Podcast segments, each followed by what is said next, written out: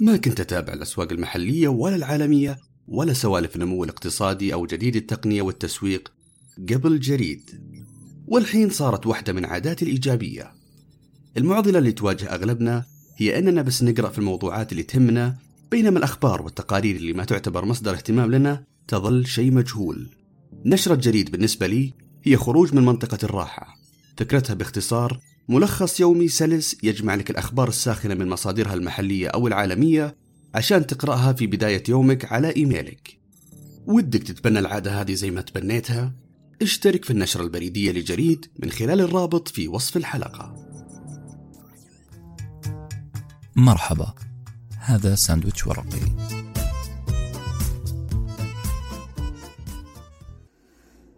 قوة العادات. قبل فترة كان في يدي كتاب عنوانه قوة العادات. لمح العنوان صديقي وقال بنبرة مشككة كعادته أنا أعتقد أن العادات موضوع حتمي. كلنا مفطورين على عادات محددة فلا مجال لتغيير شيء في جيناتنا. طبعا من دون أن ألتفت رديت عليه بجملة واحدة أعتقد أنها لب الكتاب. الجملة تقول يا صديقي في البدء نحن نبني العادات لاحقا عاداتنا هي التي تبنينا. ومع هذه الجملة راح أقضي معاكم أنا أديب النمر بضع دقائق ملهمة في بودكاست ساندويتش ورقي وحلقة عنوانها قوة العادات. يوجين باولي مسن تجاوز الواحد وسبعين سنة أجرى عملية جراحية وتم استئصال قطعة بسيطة من مخه. بدأ بعدها مرحلة تأهيل تحت إشراف زوجته وطاقم أطباء وممرضين. لكن اللي حصل إن يوجين بدأ ينسى كثيرا. بالتحديد لم يعد يتذكر الأحداث الجديدة. لا أحفاده ولا غداءه ولا أي حدث جديد. ومع هذه المشكلة صار اتكاله كله على زوجته. الأكل الشرب الكلام وحتى جولة المشي القصيرة اليومية اللي ياخذها كل يوم حول المستشفى. لابد تكون تحت إشراف زوجته.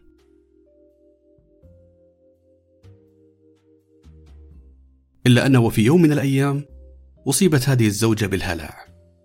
زوجها يوجين خرج ولم يعد. رجل في السبعين فاقد الذاكرة ينزل وحده في الشارع.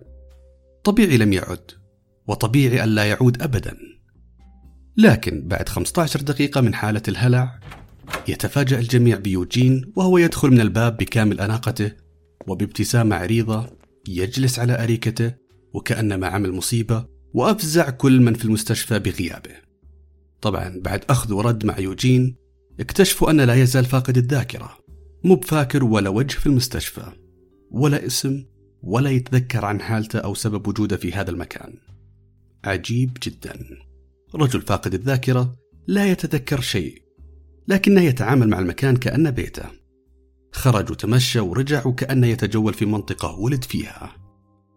السؤال الغريب هنا كيف لشخص فقد ذاكرته أن يخرج في جولة في شوارع مزدحمة ثم يعود سالما غانما وبنفسه بدون أي مرشد أو دليل؟ انتهت الأفراح والليالي الملاح بعودة يوجين وبدأ بعدها الأطباء محاولة فهم ما حدث. وبالفعل توصلوا إلى فرضية طبية كان الأطباء مشككين فيها. الفرضية تقول في مكان ما داخل العقل يحتفظ الإنسان بملفات العادات. والمهم فعلا إن هذا المكان ما له علاقة بمناطق الذاكرة في المخ. بمعنى إن العقل فيه أكثر من إرشيف. منها إرشيف للعادات وإرشيف آخر للذكريات. التفسير المنطقي للي حصل مع يوجين أنه وبسبب طلعاته الصباحية اليومية مع زوجته في تمرين المشي صنع عادة جديدة. بالأصح هو خزن رحلة الطريق من وإلى المستشفى لكنه خزنها مو في صندوق الذكريات بل في صندوق آخر اسمه العادات. خزنها في منطقة لا تعتمد على التفكير بل منطقة أشبه بالمحرك تخلينا نتحرك أوتوماتيكيا.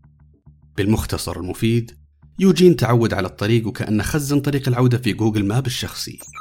وبكذا نقدر نقول العادات لا علاقة لها بالذاكرة بل بجزء لا واعي مبرمج. وهذا خبر. على قد ما هو حلو إلا أنه أيضا قاسي في حقنا كبشر.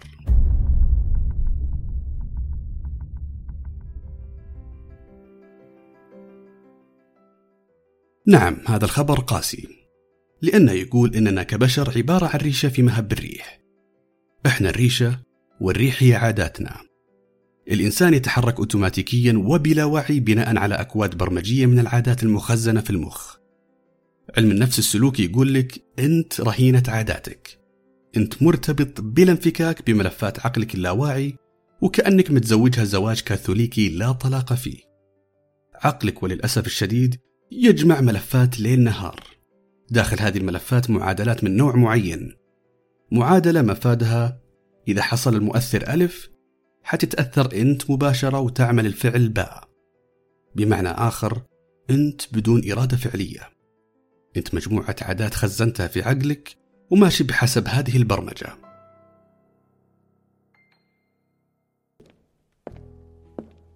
طبعا كل اللي راح أخبار سيئة ونظرة سلبية للإنسان. أتفق معكم تماما. لكن الخبر الجميل في الكتاب إنه يحاول يرجعك لدائرة السيطرة. يبغاك تكون ماستر لعاداتك متحكم فيها ومكون لها بإرادتك. خلوني أشرح شوي وين موقع الكتاب في معادلة الإرادة الكاملة والجبرية. الكتاب يقول صحيح إن العادات لا واعية وإننا عبارة عن كومة عادات لا إرادية لكن وحط خطين تحت لكن أنت يا إنسان تقدر تضحك على هذا العقل تقدر تعيد برمجة عقلك وبالأصح هذا الكتاب كتاب تمكيني. لأنه يساعدك في تغيير وتعديل بل وخلق عاداتك الجديدة. كل ما تكلمت مع صديق أو قريب في موضوع تغيير العادات وجدت على وجوههم ملامح الأمل واليأس في نفس الوقت. نتمنى نغير عاداتنا وفي نفس الوقت نعلم مدى صعوبة هذا الشيء. نعم تغيير العادات قد يكون صعب لو ما بدأت بتصحيح قناعتين مهمتين في رأسك. وهما أولا أنك تعتقد أن العادة حقيقة جينية وقدر محتوم لك. حتتغير هذه النظرة لو عرفت أن العادة مجرد أرشفة ملفات تكونها أنت مع الوقت. وثانيا أن تعريفك للعادة خطأ. وهذه النقطة الثانية هي مفصل من مفاصل الكتاب. وعشان نعطي العادة تعريفها الدقيق جدا خلونا ناخذ عادة التدخين كمثال.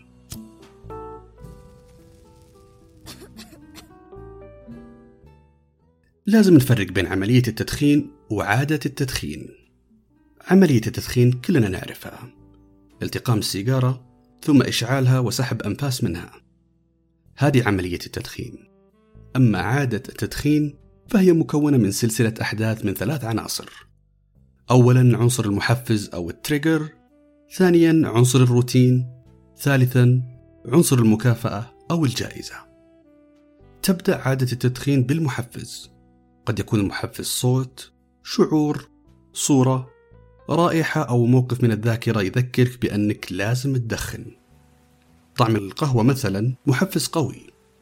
رائحة المطر أو لحن عربي على مقام السيكا كلها محفزات تذكرك بأنه حان الآن وقت ممارسة سلوك محدد مرتبط بهذا المحفز وهو التقام السيجارة إشعالها ومن ثم تدخينها. بمجرد حدوث العنصر الأول أو المحفز ننطلق في سلسلة العادة إلى العنصر الثاني. تنفيذ عمل أو روتين معين هذا الروتين قد يكون على شكل سلوك شعور أو فكرة. في مثالنا الحالي الروتين هو التدخين. تنتهي سلسلة العادة بعنصر ثالث وهو الجائزة.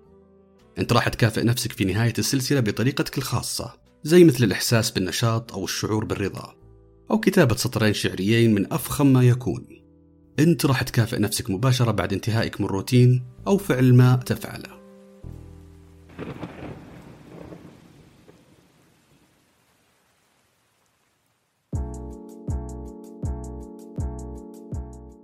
ملاحظين اللي قاعد يحصل لنا بدون وعي؟ العادة هي عملية إغواء مكتملة العناصر. أولا إغواء بمثير على شكل رائحة طعم أو ملمس. هذا المثير مرتبط بسلوك أو روتين تمارسه تلقائيا بعد تلقي المثير ثم نكافئ نفسنا لنرضيها بعد ممارسة الروتين. سلسلة مبرمجة. حبكها عقلنا على مدار السنين باقتدار لتصبح عادة. والعادة جعلتنا نكون. لذلك نقول لتغيير عاداتك لازم تغير نظرتك لها من مجرد فعل أحادي بسيط إلى سلسلة مركبة من ثلاث عناصر. محفز روتين مكافأة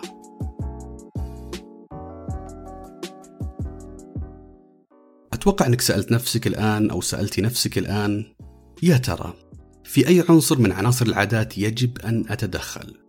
أي عنصر هو اللي أقدر أغير فيه لوقف العادة السيئة؟ هل أغير المحفز ولا السلوك أو المكافأة؟ الجواب جميل ومفرح تقدر تتدخل في أي واحدة من الثلاث مراحل إما المحفز أو السلوك أو المكافأة ولكن صعب صعب صعب جدا تغير المحفز والجائزة. والسبب إن العادات اوريدي تكونت واستقرت واستفحلت لفترة طويلة جدا في حياتك. العادة صارت شيء أشبه بالحفورة في الصخر. هي جزء لا يتجزأ من نظام حياتك اليومي. مثلا لما تجي تبطل دخان حتقول الكلام التقليدي راح أترك التدخين لما أسافر في إجازة. كلام معقول لأنك وأنت في إجازة حتكون بعيد عن محفزات التدخين اليومية اللي أصبحت جزء من حياتك. المشكلة وين؟ المشكلة لما ترجع البيت بعد الإجازة حتلقى المحفزات القديمة تنتظر وتغني لك أغنية أبو نورة جيتني مرحبا بك بعد طولة غيابك. بالعربي الفصيح لما تحاول تغير المثيرات حولك فأنت تحاول تغيير العالم كله حولك. وهذا شيء صعب جدا ومرهق إذا ما كان مستحيل. خلوني أدخل فقرة علمية شوي. هل تعلم أن جسمك بعد مئة ساعة من تدخين آخر سيجارة يكون قد تخلص من النيكوتين في جسمك؟ بمعنى آخر جسمك ما عاد يتذكر المادة اللي أدخلتها للجسم اللي هي النيكوتين لكن المشكلة أن عقلك مو راضي ينسى عادة التدخين. بالأصح مو راضي ينسى السلسلة المركبة لهذه العادة. مو راضي ينسى الشعور اللي تعطيك إياه سيجارة الصبح. مو راضي يفك الربط بين فيروز وعادة تعملها كل صباح. إذا المشكلة هي مشكلة ربط عناصر ببعض وليست مشكلة إدمان كيميائي وجسماني. إدمانك لأجهزة الجوال نفس الشيء. تذكر شعورك لما تسمع نغمة تلقيك رسالة على واتساب أو تويتر وتحس بالجوال اهتز في جيبك. هذا المثير الصوتي والحسي القوي راح يخلق عندك حاجة ملحة إنك تفتح الجوال وتشوف الرسالة. ابتسامتك بعد قراءة الرسالة هي المكافأة. أنت تدور في سلسلة العادة من دون وعي.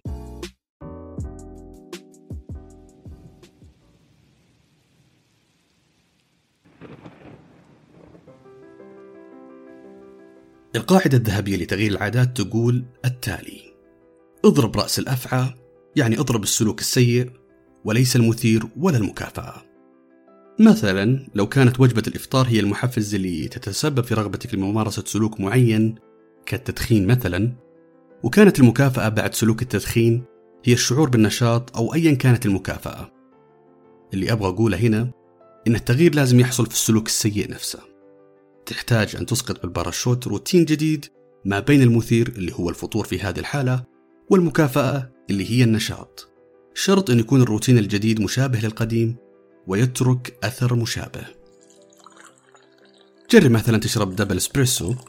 اشرب جرعة إسبريسو مضاعفة بدل السيجارة. أولا أنت حتربط المثير بكوب إسبريسو. وثانيا أنت راح تحصل على النتيجة المرغوبة وهي تركيز أكثر. لذلك ممكن نقدم النصيحة المهمة التالية لكل من يرغب في تغيير عاداته. ادرس عاداتك. حدد بوضوح المحفز والنتيجة. ثم أسقط بالباراشوت روتين مناسب بينهما.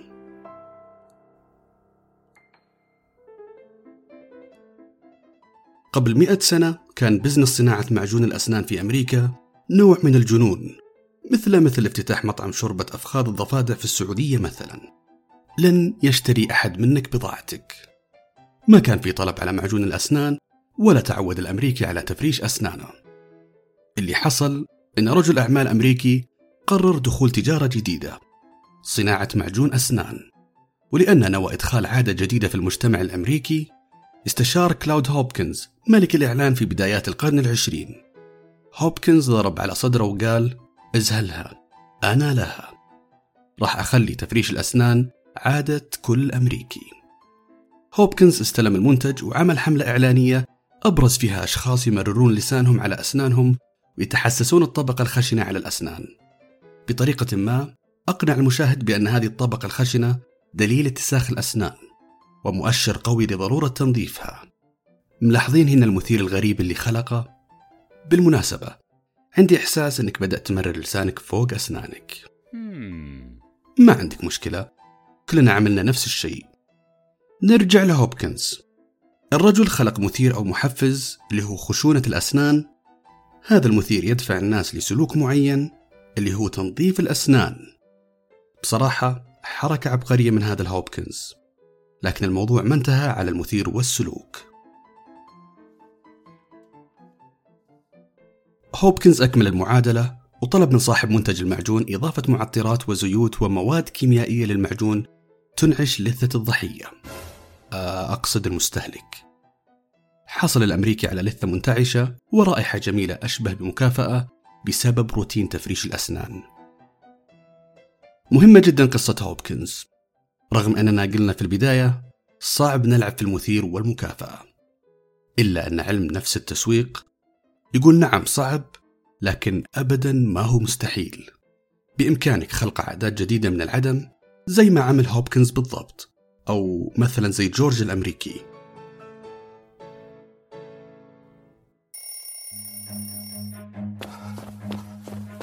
جورج شاب أمريكي حاول أن يقحم عادة الهرولة الصباحية لجدول اليومي. فعلا بدأ هوايته الجديدة يستيقظ بابتسامة عظيمة يلبس حذاء الرياضي ويرجع البيت بعد حصة الرياضية يأخذ شاور سريع. يفطر ثم يتجه للعمل. لكن بعد فترة بدأت الابتسامة العريضة تختفي.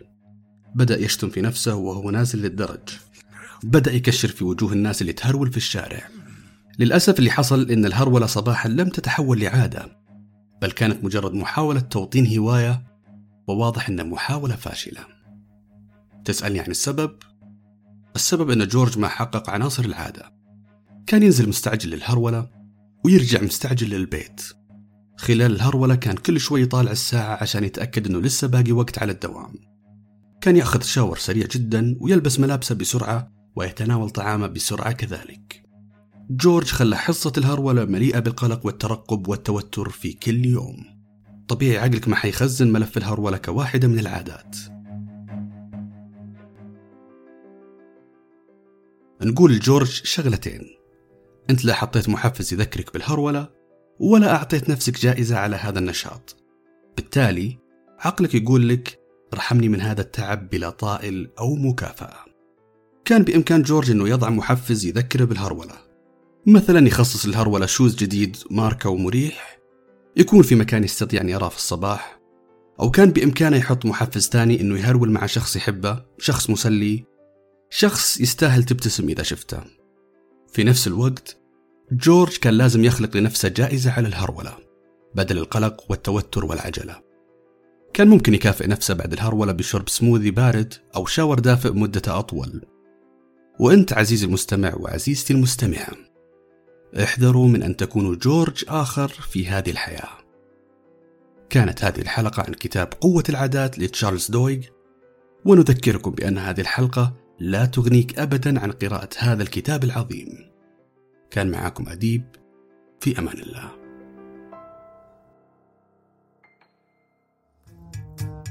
مرحبا هذا ساندويتش ورقي.